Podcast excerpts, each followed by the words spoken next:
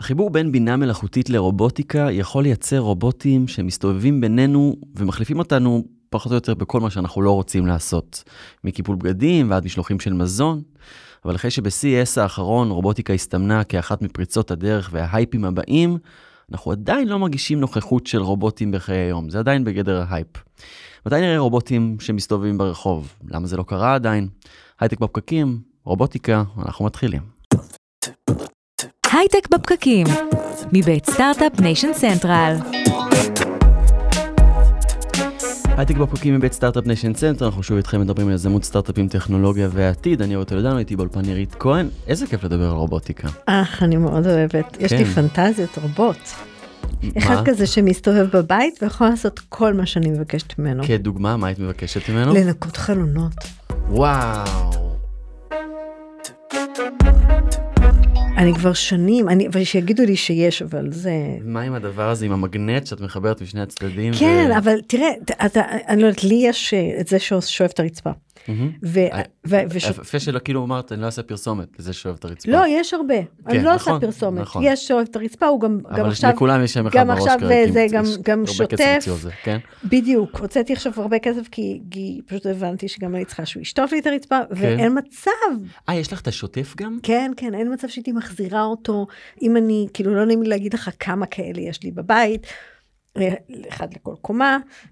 אני עכשיו מחכה לזה שצריך לעשות את החלונות. אגב, אם היה לך אחד שעולה מדרגות, אז היית... אם הייתי ממש, לכן אני. לכן אני רוצה את המולטי דיסציפלינרי, כאילו מה רע ב... ומעבר ב- לדברים האלה, שאגב, זה.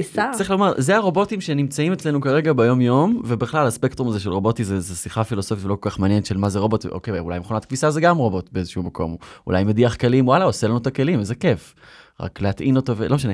אבל אני חוזר חזרה לדברים יותר עתידניים ו- וגאדג'טיים כאלה, את יוצא לך לפעמים לנסוע ל-CES, תערוכת הגאדג'טים והטכנולוגיה בלאס וגאס. את השנה חווינו בעיקר דרך כתבות, כי היה, היה פחות vibe לנסוע לשם במלחמה. אמ, איך זה להסתובב שם ובאיזה רובוטים או גאדג'טים נתקלת שנה שעברה שהיית ב-23? שנה שעברה אני חושבת אמ, שהיה קצת פחות ממה ש... ממה שאפשר היה לצפות, נראה לי שלא בטוחה שזאת הייתה שנה של רובוטיקה, אבל uh, חלק, אני, אתה יודע, יש כאלה שנתקלתי בהם ועושים לי לא נעים בבטן, כמו אלה שנכנסים על, ה, על הטיקט של ילדים, uh, נגיד איזה רובוט כזה שמקריא לילדים סיפור, הוא מתקשר איתו. דרך העיניים, ועם הבעות, וכן, עשה לי לא נעים בבטן, אבל, אבל, אני. אבל אני רוצה להגיד לך משהו, חשבתי על זה אחר כך. בוא, בוא נעזור רגע ילדים, נלך למבוגרים. אנחנו, אנחנו מקצים את המבוגרים טיפול ברובוט שהוא בעצם אדם זר, שהבאנו ממדינה זרה, שמטפל במבוגרים שלנו. זאת אומרת, יש לנו, זה, אנחנו פשוט לא חושבים על זה ככה, אבל כאילו אני תוהה אם היה רובוט שעושה חלק מהדברים המכניים שקשורים בטיפול, לא משנה עכשיו באיזה צד של החיים, האם לא היינו מפנים בני אדם לעשות את החלקים האמוציונליים של הטיפול. לגמרי. אז אני לא סגורה על זה שזה טרנד רע, אבל אני מודה שזה עשה לי לא נעים בבטן. אבל יש פה באמת פואנטה מאוד מעניינת, דיברנו על זה גם בין התוכניות, של טכנולוגית דווקא, אנחנו יכולים כבר לעשות את הדבר הזה. תפיסתית, הסיבה שזה לא קרה עדיין, היא הרבה ממנה לא טכנולוגית, אלא פשוט כבד לנו, גדול עלינו, אשמה לנו, זר לנו. אה, לכן אה, ניקיון? ניקיון אה, זה בסדר, אבל אתה יודע, כן. טוב, אז מזל שיש לנו מישהי לדבר בדיוק על, ה, על אינטראקציית אדם-רובוט, דוקטור הדס הראל, מרצה וחוקרת באוניברסיטת רייכמן, אהלן. אהלן. קודם כל, מה זה אינטראקציית אדם-רובוט? מין מה, מה קורה שם בין הרובוט לאדם? האינטראקציית אדם רובוט זה בדיוק המקום שבו אנחנו מבינים שרובוטים אמורים להיות באינטראקציה עם בני אדם, ואם אנחנו בונים רובוטים בלי להבין בני אדם, אז סביר להניח שבני אדם לא ירצו להיות באינטראקציה עם הרובוטים האלה, כן. מה שקורה הרבה, והרבה פעמים אנחנו יכולים לראות חברות שיש להן יכולות הנדסיות מדהימות ובונות רובוטים מדהימים שאף אחד לא רוצה להשתמש בהם. אני אגב זוכרת אחד הסיפורים המרתקים שהייתי מספרת בארצות הברית לפני המון שנים כבר, ב... אני חושבת שזה בסן פרנסיסקו באחד מהמו"לים היה, הייתה זרוע רובוטית שעשתה בריסטה, עשתה קפה. היא עשתה אותו בקצב כל כך מהיר, שה... אדם לא יכול היה לראות את הכוס קפה בהכנה, ולכן לא רכשו ממנו, ואז בעצם היו צריכים להוריד את הקצב של יא. הזרוע, כדי שאני אסכים לקבל ממנה את הכוס קפה. יפה, אז זו דוגמה מעולה בדיוק ללמה צריך אינטראקציית אדם-רובוט, כי יכול להיות שהטכנולוגיה יכולה לעשות דברים מדהימים, אבל אם אנחנו לא נסמוך עליה, אז אנחנו ממש לא נרצה לעשות איתה שום דבר. אה, ואנחנו יכולים בקלות לעשות התאמות כאלה, אם אנחנו מבינים בני אדם. וזה תחום של פסיכולוגיה בעצם? זה הפסיכולוגיה של בעצם, ה... של הטכנולוגיה באיזשהו מקום? זה איזשהו חיבור בין אוסף של תחומים, זאת אומרת, אנחנו צריכים להבין רובוטים, מה רובוטים יכולים לעשות, מה הם לא יכולים לעשות, ואפשר לדבר על זה בהקשר לשיחה שלכם מלפני רגע. אה, ואז איך אנחנו צריכים להתאים את מה שהם מסוגלים לעשות לבני אדם, ואז זה באמת שילוב של הנדסה ופסיכולוגיה וכל החיבורים האלה ביחד. אבל פתאום אני חושבת על זה שזה לא בטוח שזה רק, אה, רק אה, רובוט ואדם, כי למשל כשהדבר הזה מסתובב לי היום בבית, אחד הדברים שקופצים לי כאי נוחות זה שאנחנו יודעים שהוא מצלם, כאילו הוא משתמש במצלמה בשביל לנווט, אבל הוא מצלם, מעלה את זה לאנשהו, ומישהו אחר כך מדליף את זה לרשת. אז גם זה, זה, זה אגב לא אינטראקציית אדם רובוט, זה משהו יותר גדול. זה אז- סייבר פשוט. זה לא... לא בטוחה שזה זה- סייבר, פרטיות? אתה עשית ב enter, enter, enter ש- שעשית בהתחלה כשהפעלת אותו, אתה נתת לזה הסכמה. כן, ברור. אני אגיד רגע שזה בעצם תת-תחום בתוך Human Computer Interaction, HCI, וזה באמת כולל את כל הדברים האלה, כולל פרטיות, כולל מה קורה לנו עם טכנולוגיה שהיא לא רק טכנולוגיה פיזית, אלא טכנולוגיה, טכנולוגיה ברשת, אה, ואז יש פה אוסף של דברים. אה, ואנחנו מכניסים לתוך זה גם אה, הרבה אנשים, גם הרבה רובוטים, גם את כל האלגוריתמים שעומדים מאחורי זה, וכל זה ביחד מתחבר לנו לאיזושהי אה, חוויה אחת גדולה שאנחנו צריכים להתמודד איתה ולעצב אותה מדויק.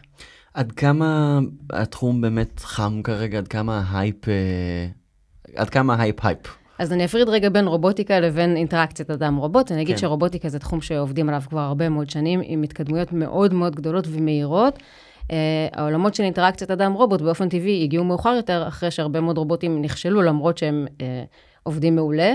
Uh, ועכשיו לאט לאט אנשים מבינים שהם חייבים אנשי אינטראקציית אדם-רובוט כדי להתאים את מה שהם עושים מבחינה טכנולוגית לבני אדם. כמו אגב, מה נכשל? תני דוגמה של רובוטיקה ש... אמ, אז יש הרבה מאוד, קודם כל הדוגמה הכי גדולה היא Humanoid Robots באופן כללי, יש לי Mm. אג'נדה מאוד ברורה בנושא הזה. יומנויד זה רובוטים שנראים כמו בני אדם. כן, האמת בדיוק. היא שזה אשכרה קריפי, כמה שהייתי מתה שיבוא לי רובוט שינקה לי חלונות, לא בטוח שבא לי שהוא יראה כמוני. אז אני קודם כל חייבת להגיד לך ולהרגיע אותך, שיש אפילו חברה ישראלית שכבר עשתה והכינה רובוטים שהם מנקים חלונות, וזה מה שהם יודעים לעשות, זה לדעתי- כמו יצור כזה שמטפס לך הם לחלון היו פה, ומסתובב. וכן, כן. כן, אבל... חילזון- כן.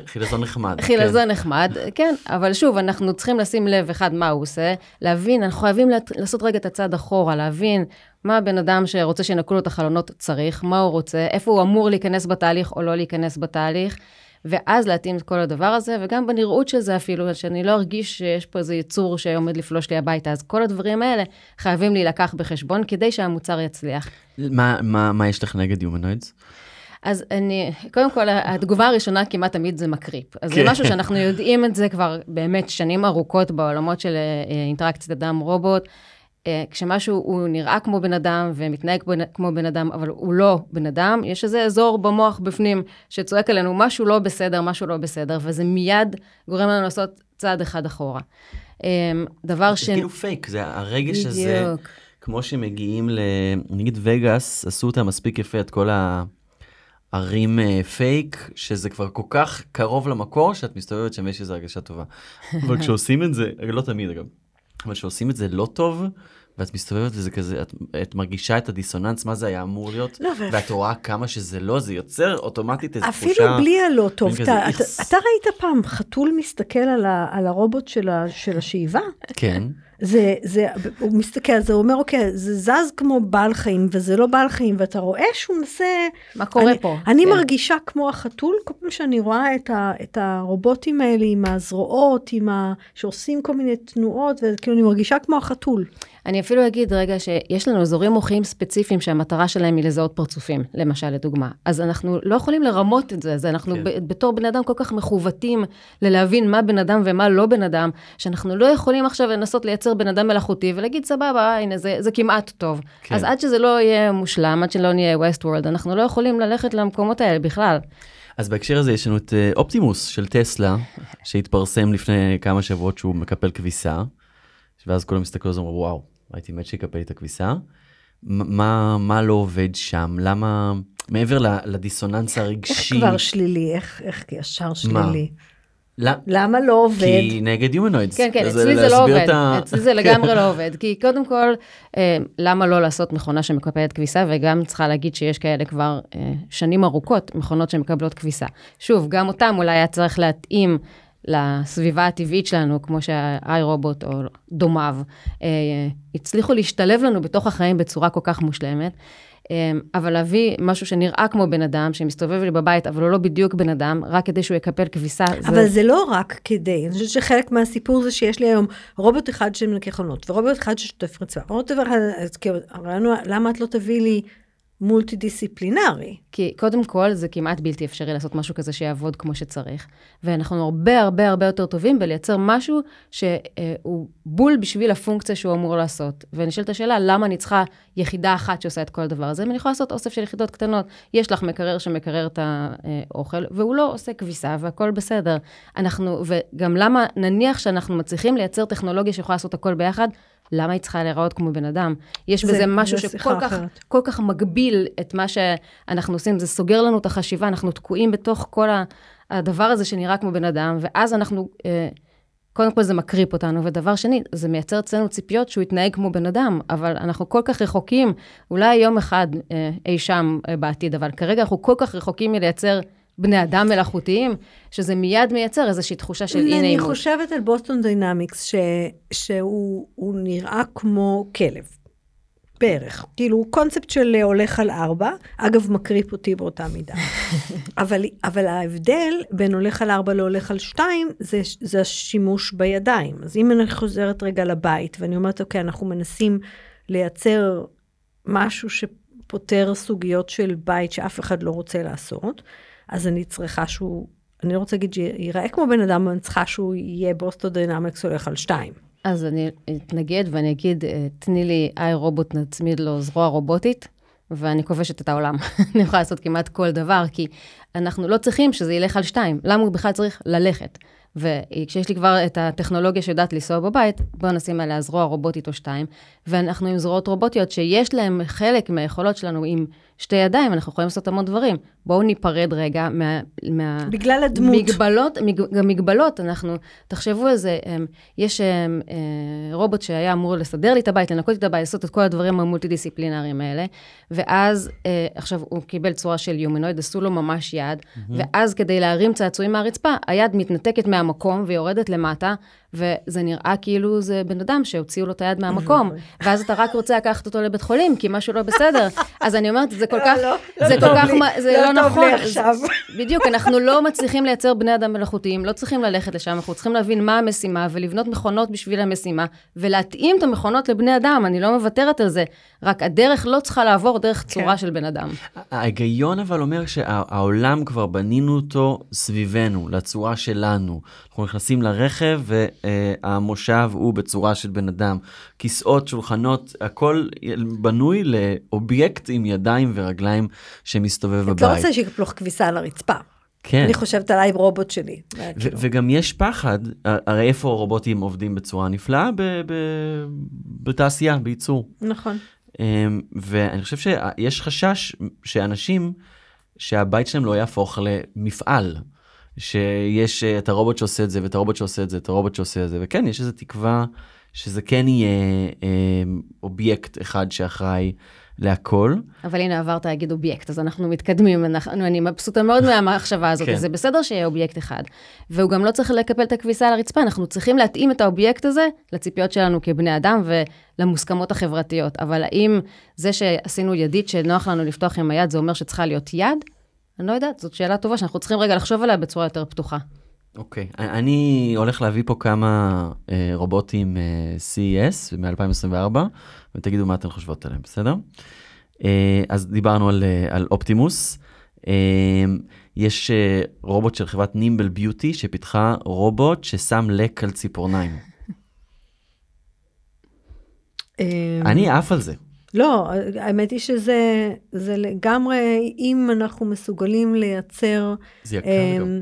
עדינות, הרי חלק ממה שמדברים. תמיד ברובוטיקה, זה יותר, יותר, אה, יותר קל לייצר רובוט שמחליף את הרופא מאשר לייצר רובוט שמחליף את הסניטר שמרים את הבן אדם עם בדיוק הכמות הנכונה של, ה, של הכוח אה, שאתה יודע, אז, אז, אז אני חושבת אם אתה יכול לייצר אה, משהו עם ככה נימבל זה מילה טובה. אני אבל, אז, אה, אני אתפרץ ואוסיף שכשאנחנו הולכים לעשות אה, לקט ציפורניים, הרבה פעמים יש לנו שעה של שיחה נעימה עם מי שעומד מולנו. חברות אמת. בדיוק, לפעמים זה איזה מין רגע כזה שאני עוצרת רגע את החיים וחושבת עליו, ואז אנחנו, אני לא אומרת שאי אפשר, אני רק אומרת, בואו ננסה להבין קודם מה יש באינטראקציה הזאת, שהיא לא רק לעשות לי את הציורים המגניבים של הלבבות על הציפורניים, שזה כן. אתגר אולי טכנולוגי מעניין, אבל מה קורה שם עוד בתוך האינטראקציה הזאת, כשמישהו מחזיק לי את היד, ויד זה כל כך, אה, אה, אחד האזורים הכי רגישים בגוף שלנו, ויש פה כל כך הרבה דברים שנכנסים גם, שאנחנו צריכים רגע להבין אותם, ורק אז להבין איך אנחנו עושים טכנולוגיה שתחליף. אז בוא נדבר על AI בהקשר הזה.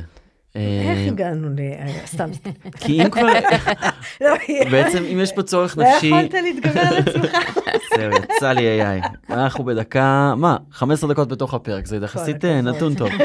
אמ, איפה AI נכנס? נגיד, אוקיי, אנחנו בוא ניקח את הדוגמה הזאת של הציפורניים. הנה, אפשר לפתור את הפיצ'ר הזה, הנה, אבל שוב יהיה לנו את אותה הרגשת הכמעט והקרינג' הזה, אבל אם אנחנו, אנחנו כאילו כביכול יכולים לייצר איזושהי אינטראקציה אנושית שם.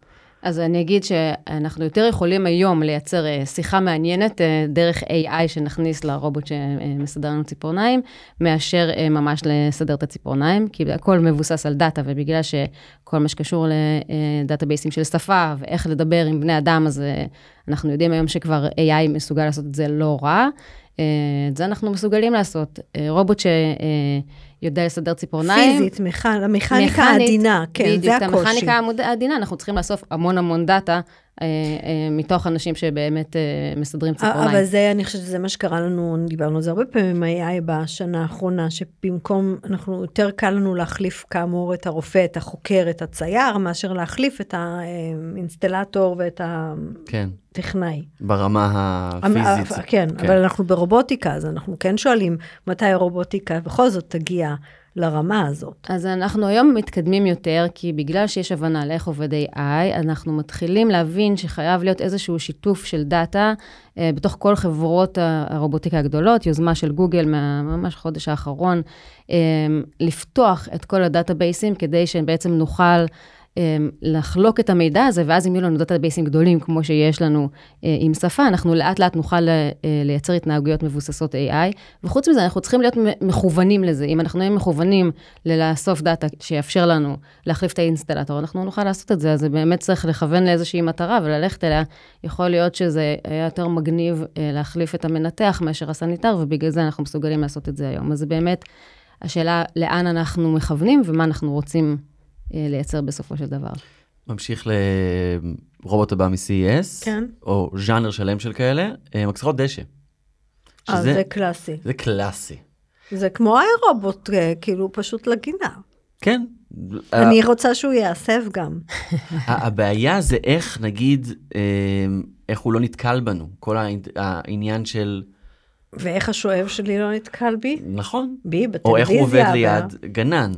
כן, אבל קודם כל, אם השואב נתקל בך, לעומת אם המכסחת דשא נתקלת בך, זה אירוע אחר לגמרי. נכון. ודבר שני, איי לא נעים ואיי... לא אה, יודעת, כן. תלוי איפה המרכיבים, איפה את מפרידה בין איפה הוא נתקע לאיפה הוא מכסח. כאילו. זה, זה בהחלט מחשבה מעניינת, אבל אני רק רוצה להגיד שיש פה משהו שמבחינת vision ואיך אה, לזהות אה, עצמים ומה הוא אמור לעשות, אנחנו מאוד מתקדמים היום. אה, יש גם ממש פריצות דרך מה, מהשנים האחרונות שמאפשרות איזושהי תנועה אה, בסביבה דינמית, שזה ממש מגניב. כל העולם של רכב אוטונומי זה לצורך העניין. נכון, כל העולמות של רכב אוטונומי, וגם אה, אה, הרבה פעמים בתוך, ה, בתוך אה, חללים סגורים כבר אנחנו מסוגלים לעשות את זה. זה עדיין לא מוטמע בטכנולוגיות הפשוטות, אבל זה אלגוריתמים שקיימים. אה, אני מאוד אוהבת את הרעיון של אה, אה, רובוט מכסח דשא, ובמיוחד אם יש לי גם גנן שהוא מעצב, כי הרובוט עוד לא יודע לעשות את זה, או שהוא מעצב לי את הגינה, כי עדיין אין לי AI שעשה את הדבר הזה, אז יכולה להיות שם אינטראקציה ממש מעניינת בין הגנן לבין המכסח הדשא, שמייצרת איזושהי חוויה של צוות, ואנחנו הרבה מסתכלים על המקומות האלה, איך אנחנו מייצרים צוות של רובוטים שיש להם פעילות עצמאית והם מקבלים החלטות בעצמם. ואנשים שנמצאים בסמוך להם או אמורים לשתף איתם פעולה, והדברים האלה אה, יכול יפה, להיות זו מאוד מאוד מגניבים. שאיפה, שאיפה מאוד טובה אה, בעצם לייצר איזשהו סנכרון. יש לזה שם. cobots. נכון? אנחנו cobots. מדברים על cobot, זה נכון. collaborative robot. בדיוק. כן. נג... אבל מצד אחד אנחנו מדברים על רכבים אוטונומיים, מצד שני, יצא לכם לראות את הניסוי של אחת אה, מחברות, יצא לכם להתקל ברחוב ולראות, ללכת ברחוב ולהתקל ברובוט? היה ניסוי של אחת... פיזי? כן, לא קרה לכם? אני בתל אביב זה... אז זה קרה לי בסן פרנסיסקו, כן. כאילו הם, אה, אני חושבת רובוט שמוציא אוכל ממסעדה ומביא אותו ל... לרכב שעוצר, בארצות הברית מקובל אה, שאתה לא יפה. צריך חס וחלילה להטריח את עצמך לצאת מהאוטו ומביאים כן. לך את הכל עד האוטו, אז כזה. מגניב. זה אגב ראינו ב-CS לפני שנה, אה, כאילו, כאילו איזה מין רובוט מגש כזה, שכמו כמו עגלת תה של פעם, כאילו, אבל היה לי רובוט שמסתובב בבית ומביא לך זה אוכל מעניין שאת ממקום לא. מחבבת את זה, למה? זה נרא... כי זה נראה לי, אמ, זה הישראלי פוגש את האמריקאי. לא, זה, זה כאילו נראה לי, זה, זה כבר נראה לי סתם. זאת אומרת, באמת, כאילו, לשבת על הספה ושהרובוט יביא לי את הבירה מהמקרר לה, כי זה בערך את ההדגמה, כן. זה, לא התחברתי. אה, יש עניין אבל של לחלוק את אותו, את אותו חלל. אני נגיד נתקלתי ברובוט הזה של אחת מחברות השילוח, ו... א', זה היה מוזר. את הולכת ברחוב פתאום, כן, מה זה, את רואה איזה משהו מרחוק שם, זז בתנועה בבקשה, לא נהיית טבעית. החתול שמסתכל עליי רובוט. חשבתי לעצמי שאם הייתי כלב הייתי מתחיל לנבוח על זה בטוח. אמ, ואז הוא הגיע קרוב אליי ומין חשבתי, הוא ייתן לי לעבור, אני נותן לו לעבור, מה קורה כאן עכשיו? ומין באיזה הססנות כזאת הקפתי אותו. אבל הדבר הזה זה, זה עדיין ברמת הפיילוט אבל זה נראה לי לא מצליח. אני חושבת שיש לזה פוטנציאל אדיר, אני חושבת שזה יצליח ביום שאנחנו נבין את המוסכמות החברתיות של מה קורה כשאתה בא מול רובוט, מי אמור לפנות למי את הדרך, האם אנחנו אמורים להתייחס לרובוט שילוח הזה כאילו הוא בן אדם אחר, או שאולי אנחנו מתייחסים לרובוטים בצורה אחרת.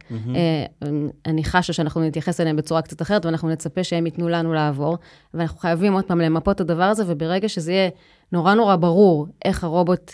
אה, מה הרובוט חושב, איך הוא מגיב ואיך הוא אה, נותן לי את הכבוד המגיע לי, ולא, אה, פה בתל אביב היו הרבה דיבורים על זה שצריך לרדת עם העגלה לכביש. ממש חסם את כל המדרכה, בדיוק, כן. בדיוק. אז אנחנו עוד פעם חייבים להבין את הסיטואציה, את הסביבה, וברגע שזה יהיה מותאם, אין לי ספק שזה יעבוד, כי זו טכנולוגיה מגניבה, היא חוסכת הרבה מאוד משאבים שאנחנו יכולים להשתמש בהם לדברים אחרים. כן, כל ה-last mile בעצם, כן. של ה- של שילוח. זה... כן, בדיוק. כן.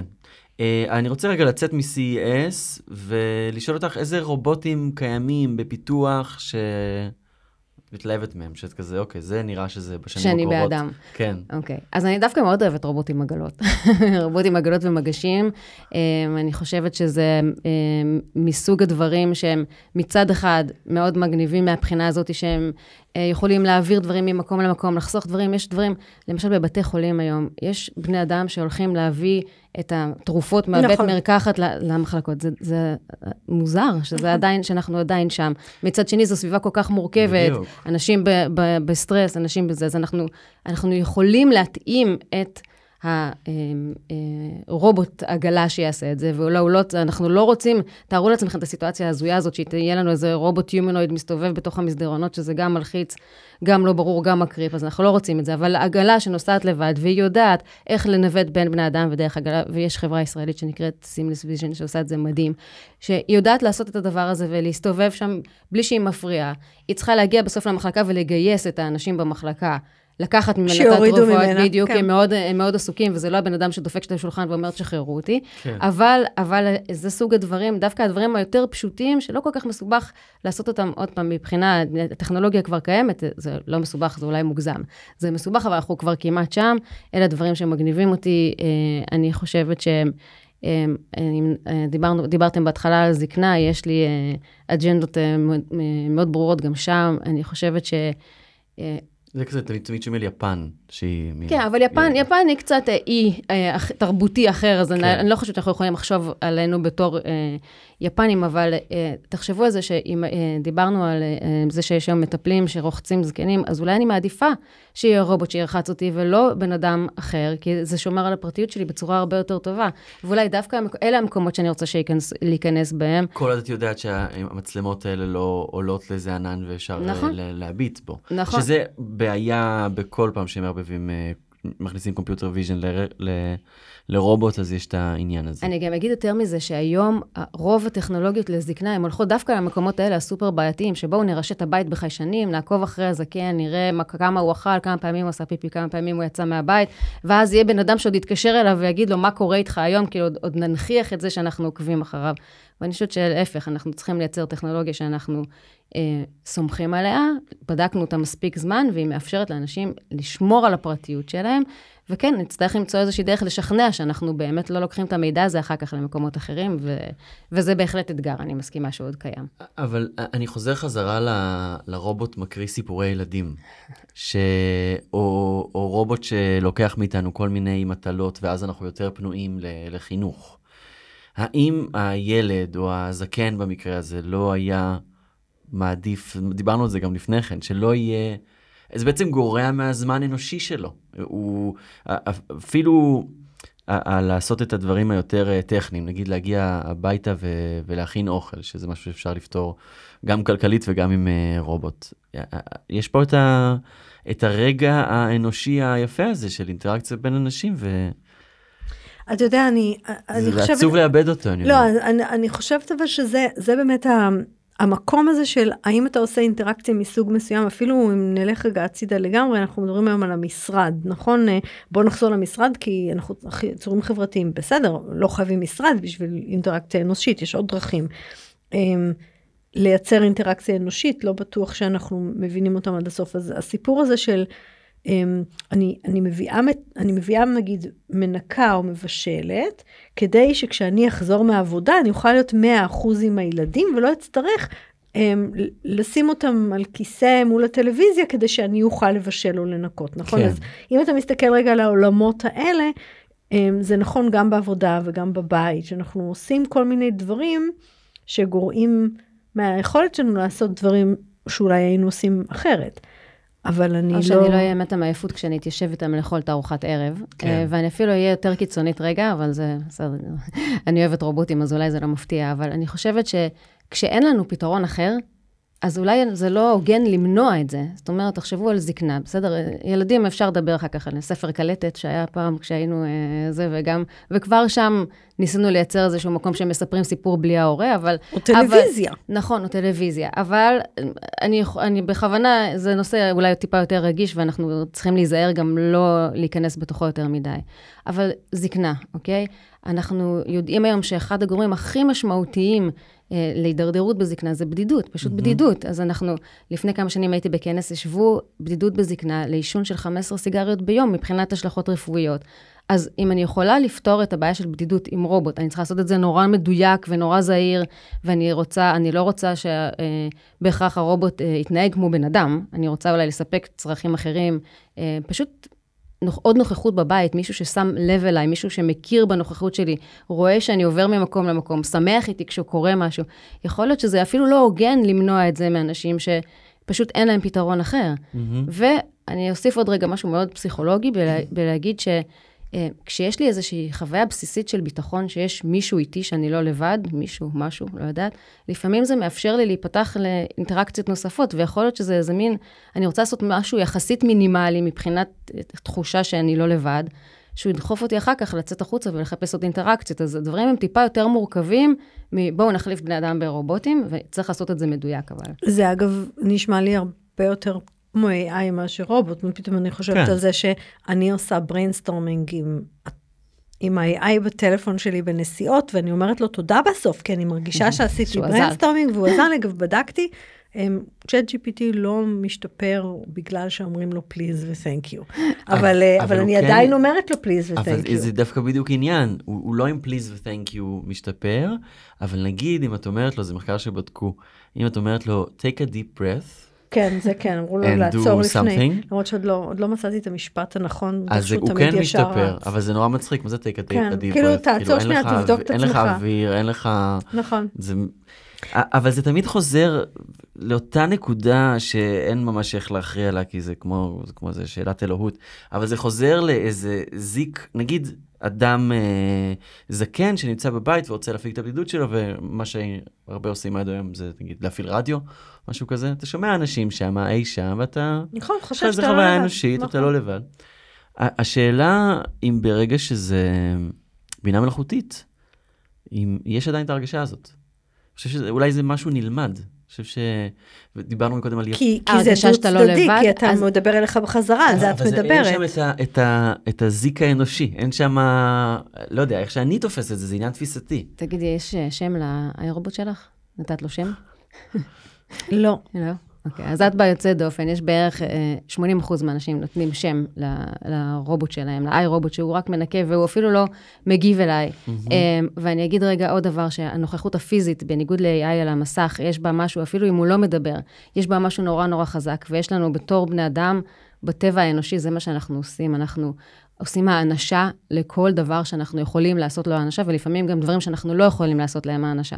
אז הזיק האנושי שאתה קורא לו, אני לא יודעת למה אתה מתכוון בדיוק, אבל החוויה שיש לי עוד יצור חברתי שעומד מולי, אנחנו עושים את זה כמעט לכל דבר, כן. אה, מהטלפון שלנו, ובטח ובטח כשזה משהו שהוא אה, אוטונומי, יש לו פעילות והוא מקבל אה, פעילות משל עצמו, יש לו רצון משל עצמו, כמובן אין לו רצון, אבל אנחנו אה, משייכים לו רצון, ואם הוא מגיב אליי, אם הוא תגובתי אליי, זה כל כך חזק, זה מייצר אה, אה, אינטראקציה וחוויה עצומה, אה, ולפעמים ממש תנועה ממש מינימלית לכיוון שלי, מייצרת אצלי הרגשה שמישהו אכפת לו ממני, הוא מתעניין בי, אה, והוא אפילו אוהב אותי. אנחנו הולכים גם במקומות האלה. כן, האמת היא שכשאת שואלת אותי את השאלה הזאת, אז אני חושבת שהרבה יותר אני, אני קרובה לתת שם ל-AI שאני מדברת איתו, כי הוא עונה לי בחזרה.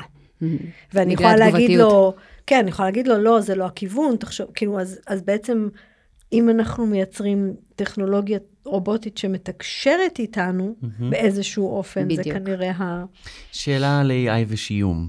מאיזה, לאיזה AI את הכי רוצה לקרוא בשם? זה שמדבר איתי, לא זה שמתכתב איתי. כן. אני התחלתי להגיב אליו אחרת ביום שהוא התחיל לנהל איתי שיחות קוליות, כולל אגב, אני לא החלטתי אם זה, הוא מתוכנן לעשות את זה, או כי הוא מחכה אותי להגיד לעשות אה באמצע. הוא עושה אה? כן, כן, לגמרי הוא אה, אמ, ואז הוא ממשיך את המשפט.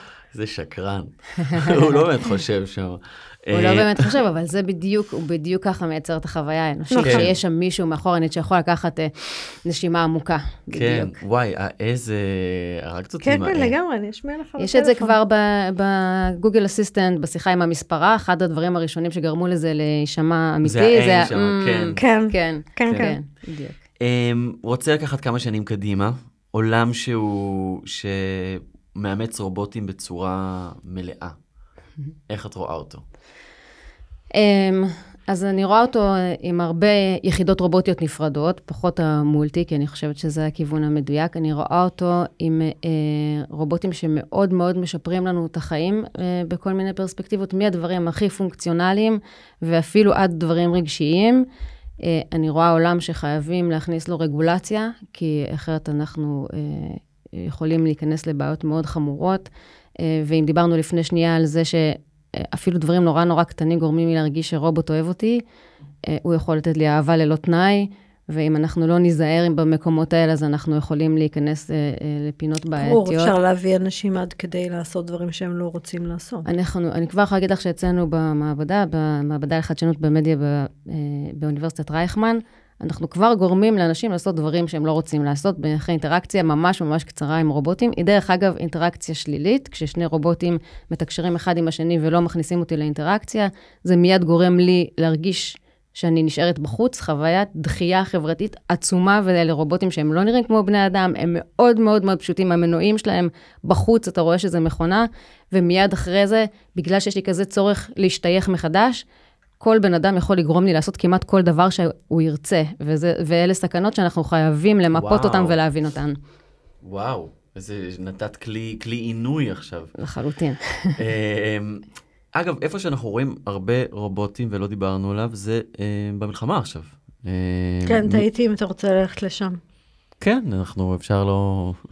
כי אנחנו גם שומעים שזה אחד מהאזורים שאנחנו נראה בו פריחה, כי גם אצלנו, גם באוקראינה, גם כאילו כל כן. הסיפור של אה, דברים אוטונומיים שעושים כל מיני דברים בשיתוף יש לך. הזדמנות לחסוך אה, חיי אדם, כן. למנוע סיכון, גם על ידי רחפנים שנכנסים. כאילו, אה, לצורך העניין, ראינו, ראיתי איזה תוכנית, אני חושבת שבטלוויזיה היה, מישהו החזיק רחפן, הם קראו לו, יש את, את הכלב, נכון? אז כן. הוא קרא לו בשם של כלב וליטף אותו. כן.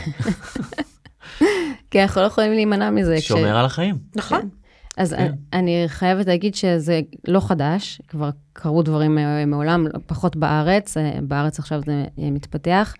אה, אבל אם אני אקח את זה רגע למקומות שמעניינים אותי, כשכלב, כשכלב רובוטי, או כל רובוט, לא חייב להיות כלב רובוטי, גם רובוטים שמפרקים פצצות, הם בסוף שומרים לנו על החיים, וכשיש משהו ששומר לנו על החיים, אנחנו נ- מעריכים אותו. אנחנו נקשרים אליו ברמה נכון. כל כך קיצונית, שיש יש מקרים שבהם אנשים כמעט מוכנים להקריב את החיים שלהם בשביל הרובוט, כדי להגן על הרובוט, כי וואו.